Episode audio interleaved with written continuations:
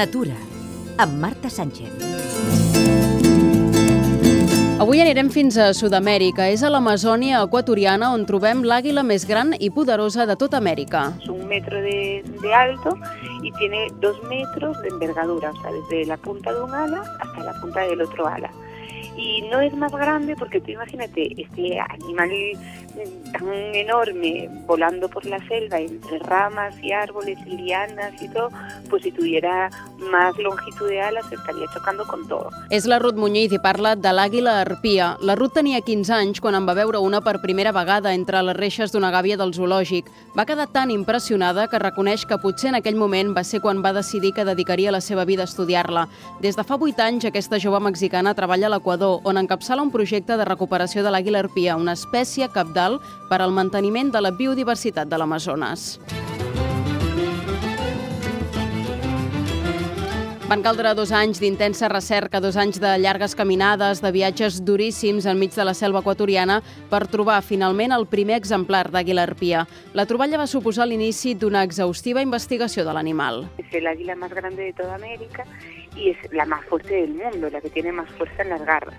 Entonces estas características les hacen tener como cierto carisma que hacen que puedas tú llamar la atención de la sociedad hacia esta especie.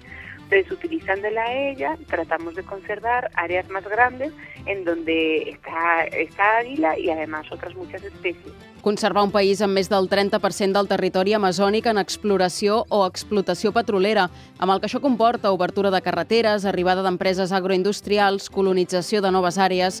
L'estudi de l'àguila ha de permetre salvar un indret fascinant, però és una feina complicada. Le estamos colocando unos rastreadores que funcionan con satélite a los juveniles para saber a dónde se van, porque nadie sabe a dónde se va un pollo, que los pollos tardan dos años y medio en irse del nido, pues nadie sabe a dónde se van después. Es un misterio. Nadie sabe si viven, si se mueren, si se pelean con otras, si se quedan cerca, lejos.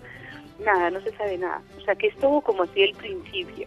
Después de ocho años es, el, es un poco frustrante, sí, a cualquiera que se lo cuentes. I costa molt, entre d'altres coses, per les mateixes característiques del rapàs més poderós del planeta. Després de localitzar-ne els primers nius i començar a estudiar-los, van descobrir un dels grans misteris que els envoltaven. Pues come monos y perezosos. Son unos mamíferos que van muy, muy despacito por los árboles, subiendo por los árboles, trepando, que comen hojas y tienen mucho pelo. Entonces son unos animales que tienen mucha carne y que se colocan en los árboles, que es justo por donde las águilas pues van de cacería. Ellas sobre todo capturan mamíferos que andan por los árboles.